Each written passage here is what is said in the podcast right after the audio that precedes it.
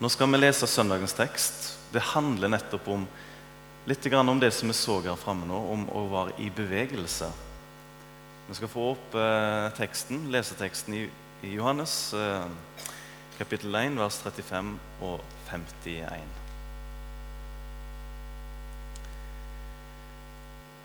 Dagen etter sto Johannes der igjen, og to av hans disipler.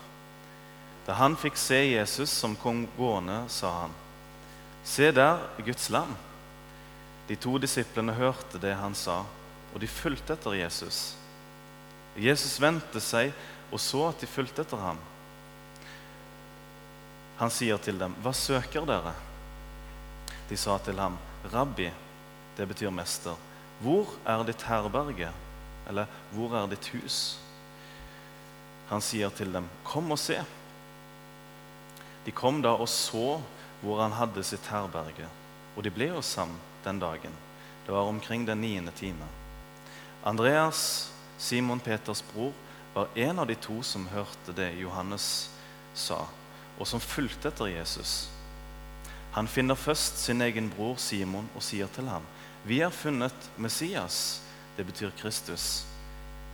Og han førte ham til Jesus. Jesus så på ham og sa, du er Simon, Johannes' sønn. Du skal kalles Kefas, det betyr Peter. Dagen etter ville han dra til Galilea. Han finner Philip, og Jesus sier til ham, 'Følg meg.' Philip var fra Betseida, fra Andreas og Peters by. Philip finner Natanael, og sier til ham, 'Han som Moses har skrevet om i loven, og som profeten har skrevet om, han har vi funnet. Jesus, Josefs sønn fra Nasaret. Nathanael sa til ham, 'Kan det komme noe godt fra Nasaret?' Philip sa til ham, 'Kom og se.' Jesus så Nathanael komme mot seg, og han sa om ham, 'Se, det er en ekte israelitt som det ikke er svik i.' Nathanael sa til ham, 'Hvor kjenner du meg fra?' Jesus svarte og sa til ham, før Philip kalte på deg, mens du var under fikentreet, så jeg deg. Nathanael svarte ham, 'Rabbi, du er Guds sønn. Du er Israels konge.' Jesus svarte og sa til ham, 'Tror du fordi jeg sa til deg at jeg så deg under fikentreet?' Du skal få se større ting enn dette.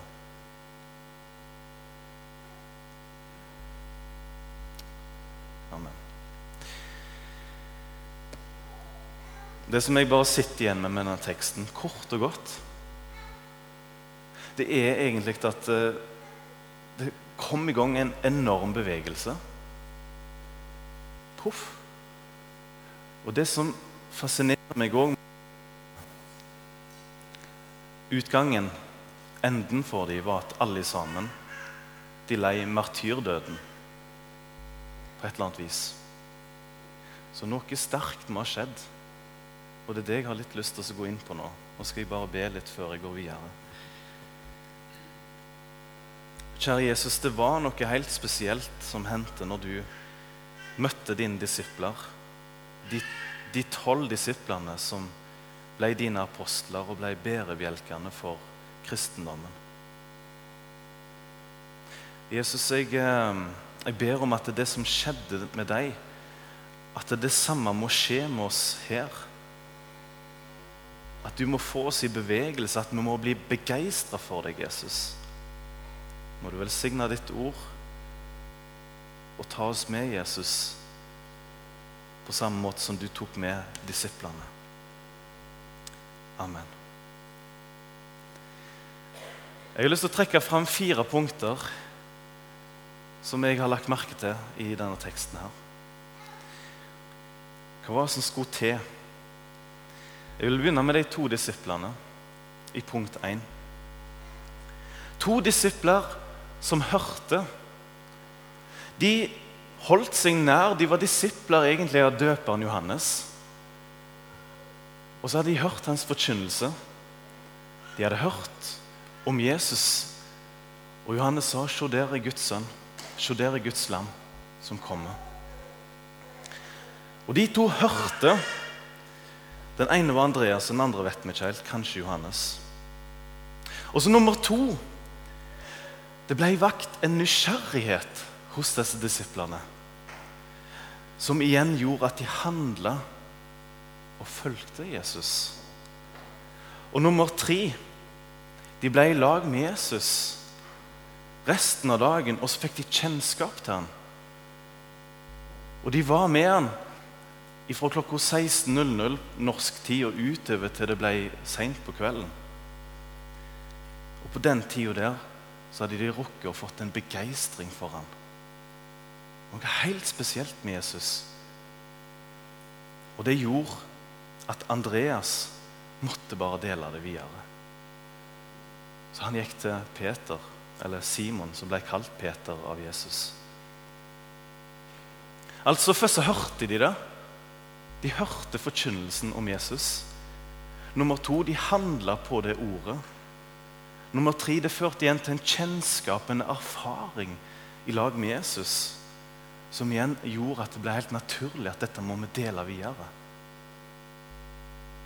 Så enkelt kan vi lære av denne teksten her. Det er den enkle lærdommen. Det fins sikkert mange detaljer, men det er det som er essensen. Er det ikke det? Jeg har lyst til å gå inn på disse punktene, for disse punktene er viktige, tror jeg. Jeg har lyst til å gå inn på det første punktet, som handler om å høre.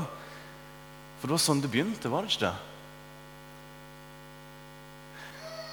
Jeg vet at det finnes, Ut ifra Bibelen så det fire måter å høre på, og kun én av de er godkjent. Ut ifra Lukas 8 så har jeg eh, sett om disse her eh, som sår ut såkorn. Og så legger jeg merke til at det er fire plasser kornet havner. da.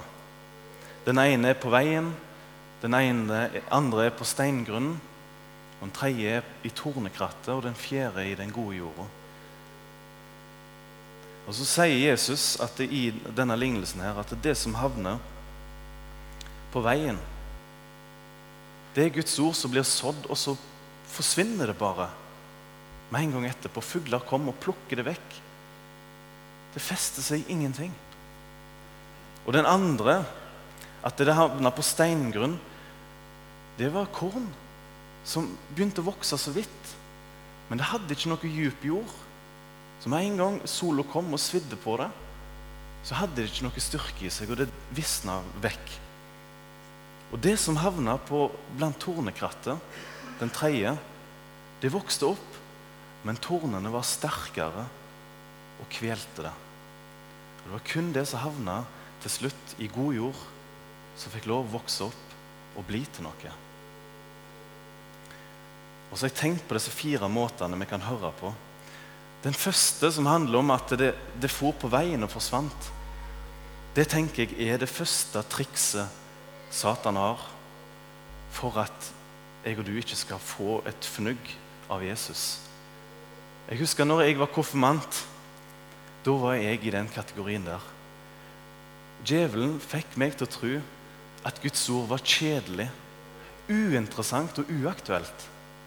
Så når konfirmantlæreren fortalte ting til meg, så var det inn et øre ut, ut det andre. Hva skulle nå med dette her? Det for rett på steingrunn og ble plukka vekk i neste øyeblikk. Nei, på, for veien. Unnskyld. Der skal vi ikke ha det. Guds ord er faktisk aktuelt. Guds ord er verdt å grunne på. Den andre, som havna i steingrunn, det er rett og slett når vi har lyst til å følge Jesus. Men med en gang vi møter på en fristelse, eller motstand, så gir vi etter for skam og for frykt. Så går vi vekk ifra Guds ord.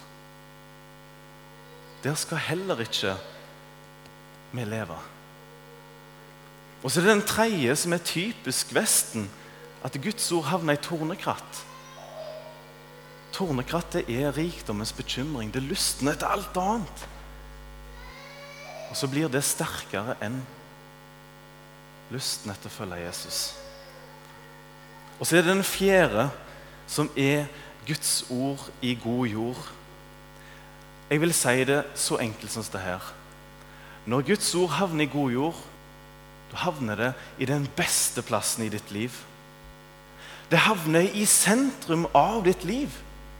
Det vil si at når du hører om Jesus, når du leser om Jesus og hører forkynnelse Det som du hører, det legger du på den fineste plassen i ditt liv. Fremst framfor alt. Det blir sånn i sentrum at alt annet detter ned på andreplass. Og at Guds ord havner i god jord, er at det er den beste plassen i ditt liv. Det får førsteprioritet. Så enkelt. Så enkelt er det. Ok, det var fire ulike måter å høre på. Andreas og den andre disippelen, tydeligvis så hadde de fått noe i god jord som førte til nummer to. At de begynte å handle. En ting jeg har lagt merke som kristen, er at det er stor forskjell på Og dette har vært en smertelig erfaring for meg. Det er en stor forskjell på å var aktiv og var lydig. Tenk litt på det. Det er stor forskjell på å være aktiv og være lydig. Disse her to disiplene de handla på Guds ord, og så fulgte de Jesus. Veldig ofte tror jeg at vi som kristne kan bli overveldet av alt vi skal gjøre. Vi er bomba av impulser ifra verden og fra alt vi skal gjøre, og så attpåtil ting som skjer i menigheten. Og til slutt så Det har vært for meg av og til. Så har det å følge Jesus av og til bare blitt en haug med aktiviteter. Forstår du hva jeg mener? Det blir bare et veldig aktivt liv. Jeg vet at Gud spør ikke etter din aktivitet. At du skal gjøre en masse ting for ham. Men Gud spør vil du være lydig på det som jeg viser deg. Det syns jeg vi får veldig bra illustrert i 1. Samuel 15, 22, skal vi få opp til bibelverset. Dette her sier Samuel til kong Saul etter at Saul hadde fått et oppdrag. Han skulle gjøre noe, men så begynte han å forandre på det, for han syntes at det så litt bedre ut. og sånn skulle vi heller gjort det. Så var han ikke lydig til Guds ord. Og Så kommer profeten Samuel og sier til kong Saul har vel Herren like meget behag i brennoffer og slakteroffer som i lydighet mot Herrens ord? Nei, lydighet er bedre enn offer. Lydhørhet er bedre enn fette av værer. Nå vil jeg bare si til deg en oppmuntring. Vet du hva? Du skal få slippe å, å, å kjenne på det aktivitetspresset som kan være når du er en del av en menighet eller kristent liv. Ta Visk det der vekk. Ta så Visk vekk dårlig samvittighet. Ta Visk det vekk nå. Jeg vet til og med at ikke-kristne venner av meg kan se på mitt liv og se på alt jeg er med på. Så kan jeg si at det, det, det, det der vet jeg ikke om jeg hadde klart. Og så tenker jeg bare åh, det er jo ikke det er ikke det det handler om. Det handler om å være lydig på det som Gud viser deg. Jeg syns det er utrolig viktig å lese, eller det, gjøre det som står i Jeremia 6, 16 som handler om å stoppe opp. Og så skal Gud fortale til deg hva du skal gjøre for noe. Så sa Herren, stå på veiene og se til. Spør etter de gamle stider, stier. Spør hvor veien går til det gode, og vandre på den. Så skal dere finne hvile for deres sjeler. Men de sa, vi vil ikke vandre på den. Jeg tror utrolig mange er slitne kristne mennesker i Norge er slitne fordi vi har glemt å gjort det. Å stoppe opp og ta en pause og spørre hva vil du, Gud? Få hvilepulsen tilbake igjen. For to år siden så begynte jeg her. Kom inn i masse nye oppgaver og aktiviteter. i bakhovet mitt så hadde jeg fortsatt Lundanes og mange andre ting som jeg brydde meg om. Og så hadde jeg dobbelt arbeid inni meg som jeg tenkte på. Og det var slitsomt. Å reise til Lundanes og att og fram og holde kontakten, og så skal jeg være her òg. Jeg ble akkurat som det der med kong Saul, følte jeg. Jeg var aktiv. Jeg gjorde massevis, men jeg, var, jeg tror ikke jeg var helt lydig. For jeg merka etter et halvt år så ble jeg utrolig sliten. Så sliten at jeg ble tvungen til å spørre Gud nå må du korrigere meg. For jeg er på vei mot jeg blir, jeg rett og slett på vei mot en sånn T, en sånn dead end, for å si det sånn. Vet du hva Gud svarte meg? Vet du hva jeg skulle få lov å gjøre? Det står i Åpenbaringen 2,4. Dette skulle jeg få lov til å gjøre. Men jeg har imot deg at du har forlatt din første kjærlighet. Tenk at Jesus kan få si til meg at det er det du skal få lov til nå. Det er å vende tilbake til min kjærlighet. Og det er det først og fremst jeg er ute etter med deg. Så er det at jeg og du skal ha en relasjon som er kjærlighetsfullt. Kan vi ikke ta det derifra? Er ikke det en gave å høre til dere? At det er det Jesus spør etter? Ok, vi har vært innom punktet å handle.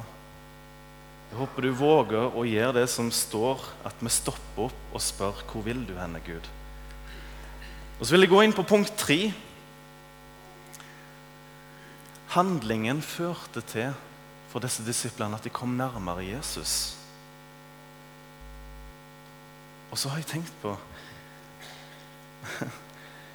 den derre frukten når de var i lag med Jesus, så ble det en kjærlighetsfullt relasjon. Og så var det noen helt radikale, livsforvandlende frukter derifra. De var i lag med Jesus, og så begynte det. Og så begynte det noe. Jeg syns Paulus sitt vitnesbyrd er fantastisk. For en streber han har vært. Alt han har gjort. Han ble den perfekte fariseer. Han ble den perfekte lovlærde. Og Så fikk han et møte med Jesus, så var han i lag med han, og så sier han som det står i Filipperne 3,8. For jeg akter i sannhet alt for tap, fordi kunnskapen om Kristus Jesus, min Herre, er så meget mer verd. For hans skyld har jeg tapt alt. Jeg akter det for skrap, for at jeg kan vinne Kristus. Og så syns jeg det er veldig fint å høre på Asaf, sanglederen i Israel. Asaf i Salme 73, 25. Når Asaf kom nærme Gud, så sier han dette her. Hvem har jeg ellers i himmelen når jeg har bare deg? Begjærer jeg ikke noe på jorden.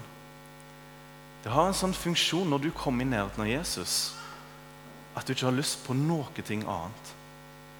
Du lengter etter å få være med han. Å være med Jesus det blir garantert mer smak. Det er så mange ganger jeg stopper opp og leser det der at eh, Hvor ofte er det ikke jeg har altfor mange ting på jorda jeg trakter etter? Og så har jeg så mye jeg trakter etter i himmelen. Jo mer du får av Jesus, jo mindre har du behov for alt annet. Og du kan si sånn som det står i Salme 23.: Herren er min hyrde, jeg mangler ingenting. Han er mitt alt. Og så syns jeg det er veldig fint. Kjennskap til Jesus og det å motta Guds kjærlighet er det ypperste å oppleve som en kristen. Nå skal jeg lese Efeserne 3,19. Sier Paulus. Og at dere Dette er en bønn han har. Og at dere må kjenne Kristi kjærlighet, som overgår all kunnskap, så dere kan bli fulgt til hele Guds fylde. Når du har en varm relasjon med Jesus, når du lever nær han, da blir du fulgt opp. Da er det ikke bare aktivitet og tomhet og et jag som kjennetegner deg. Nei, du blir utrusta. Du blir åndsfylt. Du blir glad. Og så dette her ordet blir fulgt til hele Guds fylde. Akkurat det ordet 'fylde' Det er det samme ordet som er blitt brukt når de skal fullaste et skip. Når de skulle laste et skip opp med mannskap og med mat og klart til å seile av gårde, så brukte de det ordet der. Fylde. Tenk at med Kristi kjærlighet, når du mottar det, så vil Gud at du skal ligne et fullasta skip. Så alt du trenger. Når jeg begynte som ungdomsarbeider for første gang, så ble jeg kalt av Gud til å starte opp noe ungdomsarbeid i Haugesund. Så tenkte jeg bare jeg har ikke kunnskapen. Jeg har ikke erfaringen. Hva kan jeg bidra til ungdommer i Haugesund? Jeg har ikke peiling. Og så gikk jeg og ba en time og spurte Gud hvorfor meg? Hva kan jeg bidra med? Og etter jeg ba, så ble det ett vers som jeg ble minnet om. Det er når Jesus spør Peter på stranda i Johannes 21. Peter, elsker du meg? Og så sier Peter tilbake en du, ja, du vet jeg har deg kjær. Han klarte ikke å gi fullt ut det like sterke ord. Han hadde nettopp vært i en turbulent periode, så det forstår jeg godt. Men så fikk jeg si tilbake igjen til Jesus Jesus, jeg er glad i deg. Når jeg ble minnet om det verset. Og vet du hva jeg ble minnet om videre, som jeg fikk som svar? Da sa, Akkurat Jesus sa til meg OK, vet du hva? Når du er glad i meg, så har du akkurat det som skal til for å gjøre andre glad i meg. Så tenkte jeg på det ordet, Jesus, så skal jeg gå inn og bli en ungdomsarbeider. På det ordet så vil jeg prøve å tjene andre mennesker. Hvis det er det som skal til. Og Her står det i verset Kristi kjærlighet. Det er det du skal bli fulgt med. Det er det verden trenger.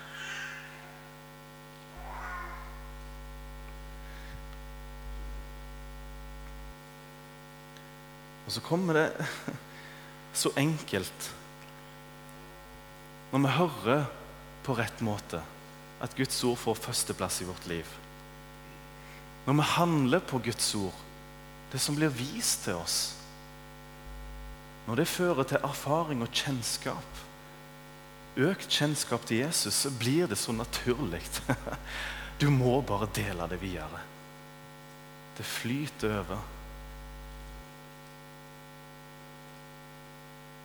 Og så tenker jeg bare at eh, det er det som skjedde med disiplene. Og jeg tror det er det Jesus vil skal skje med oss. Det skal flyte over. Og så har jeg tenkt på at vi må bare lære å bli oppsøkende. Bli som Andreas. Hvem kjenner du som du kan besøke i løpet av ei uke? Som du kan gå på besøk til å treffe, snakke med eller omvendt invitere til deg? Hva er den ene personen du kjenner nå, som du tenker på, som du kan besøke og bruke tid med og forplikte deg overfor? Hvem er det som ikke går så mye mer i Salem? Som gikk her tidligere, men som du ikke ser lenger? Hvem er det som hadde trengt og satt pris på at du tok kontakt? Hvordan tror du at vi skal vokse her inne? Tror du at det kommer av seg sjøl? Eller er det at du er lydig og går til de personene Jesus viser deg? Det er snakk om én person. Det er ikke snakk om hele arbeidsplassen. Se hvor mange ganger Jesus har sagt at det er han skal du gå til den skal du oppsøke. Vi kan lese Jeg vet ikke, jeg, nå, nå, lurer jeg litt på Hvor havner dette hos deg nå? Havner det ordet jeg delte nå, i god jord? Eller tenker du det der, det der er ikke noe for meg, jeg er ikke klar for det, jeg har ikke tid for det? Hvor havner det ordet nå? Tar du det seriøst? At stolene må bli fulgt opp her? Tar du det seriøst at Guds rike står og venter på å bli bygd opp av deg.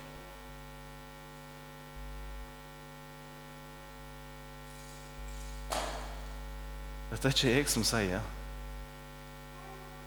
Dette er ikke min brann. Det er Jesus.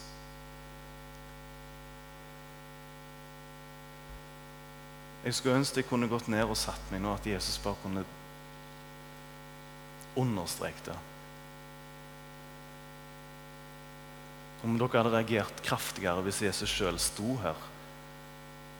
Men nå fungerer det sånn at Jesus har bedt enkeltpersoner om å si det for ham. Og akkurat i dag så var det tilfeldigvis jeg som ble en av de enkeltpersonene som sa det for ham.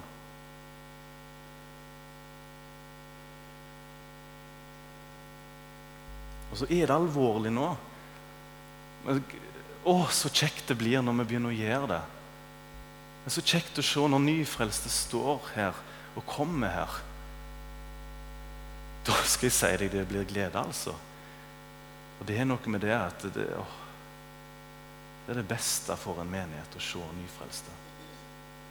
Det er den beste medisinen som kan få fart på oss. Se nyfrelste. Se at det nytter. Jeg vil lese helt til slutt apostelgjerningene 8, 26-35. Bare vise hvordan, hvor enkelt det kan være at Gud leder oss. Dette er Philip som skal ut på et lite oppdrag. Evangelisten Philip.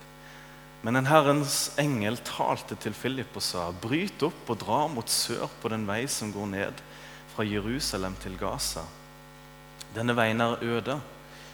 Philip brøt opp og drog av sted og se en etiopisk hoffmann, en mektig embetsmann, som hadde tilsyn med skattkammeret hos den etiopiske dronning Kandake, var kommet til Jerusalem for å tilbe. Han var nå på hjemvei og satt i sin vogn og leste profeten Jesaja. Da sa ånden til Philip, gå dit bort og hold deg nær til den vognen. Philip løp da bort til og hørte at han leste profeten Jesaja og sa, 'Skjønner du det du leser?' Han svarte, 'Hvordan skulle vel jeg kunne det når ingen rettleder meg?' Det er et prakteksempel på Guds ledelse.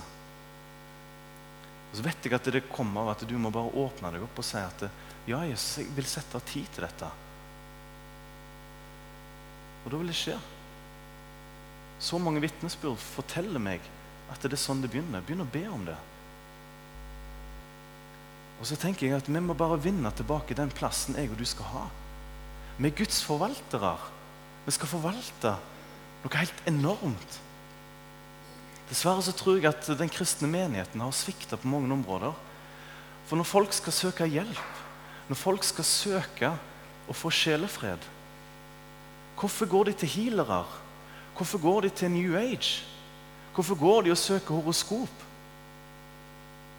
Er det for at verden ikke er klar over at her er Jesu disipler som har kontakt med den levende Gud og kan gi dem hjelp? Jeg tror jeg og du har til gode å være mer frimodige enn det vi har fått. Så håper jeg at det blir sånn, sånn som det står i Bibelen at folk søkte israelitter og sa til dem La oss få gå med dere, for vi har hørt at Gud er med dere. Og det skal vi be om nå. At du får møte noen, var en Andreas for noen. Og så håper vi kan be om at mennesker må søke til Salem. For de har hørt at Gud er her. Gud er blant oss. Det går an. Det er fullt mulig. At vi avslører hva som er ondt, og hva som er løgn, og hva som er sannheten. Nå skal vi be. Kjære Jesus, nå har vi sett noen enkle punkter. Hjelp oss at ikke vi gjør det for vanskelig for oss sjøl. Hjelp oss å høre på rett måte. Hjelp oss å være lydige mot det vi hører. Hjelp oss å komme nærmere deg, Jesus, og få kjennskap det, til deg.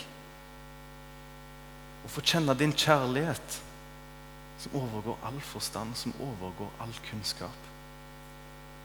La oss bli fulgt med den kjærligheten og bli utrusta til å møte en fallen verden. En verden som er desperat. En verden som prøver lykken i penger, en verden som prøver lykken i New Age, en verden som prøver lykke i rus. Og så sitter vi her, Jesus, med kilden. Vi sitter her og har fått det levende vann, og vi kan få gi det videre. Det har du bedt oss om. Hjelp oss å få frimodighet til å dele evangeliet. Sånn at vi igjen kan få glede oss over dine underverker. Få glede oss over å se at du i 2012 fortsatt er levende og aktiv og har et brennende hjerte. For det har du. Men du venter på oss at vi skal være lydige. Må du jobbe, Helligånd, må du jobbe i distriktet. Må du sønderknuse hjertene, sånn at de blir åpne for ditt ord. Og søkende etter deg, Herre. Hjelp oss å ligne på Andreas. Hjelp oss å ligne på Philip, som var lydig og gikk til en enkeltperson og fikk gi evangeliet. Hjelp oss å bli sånn, Jesus, og velsign din menighet for ditt navns skyld. Amen.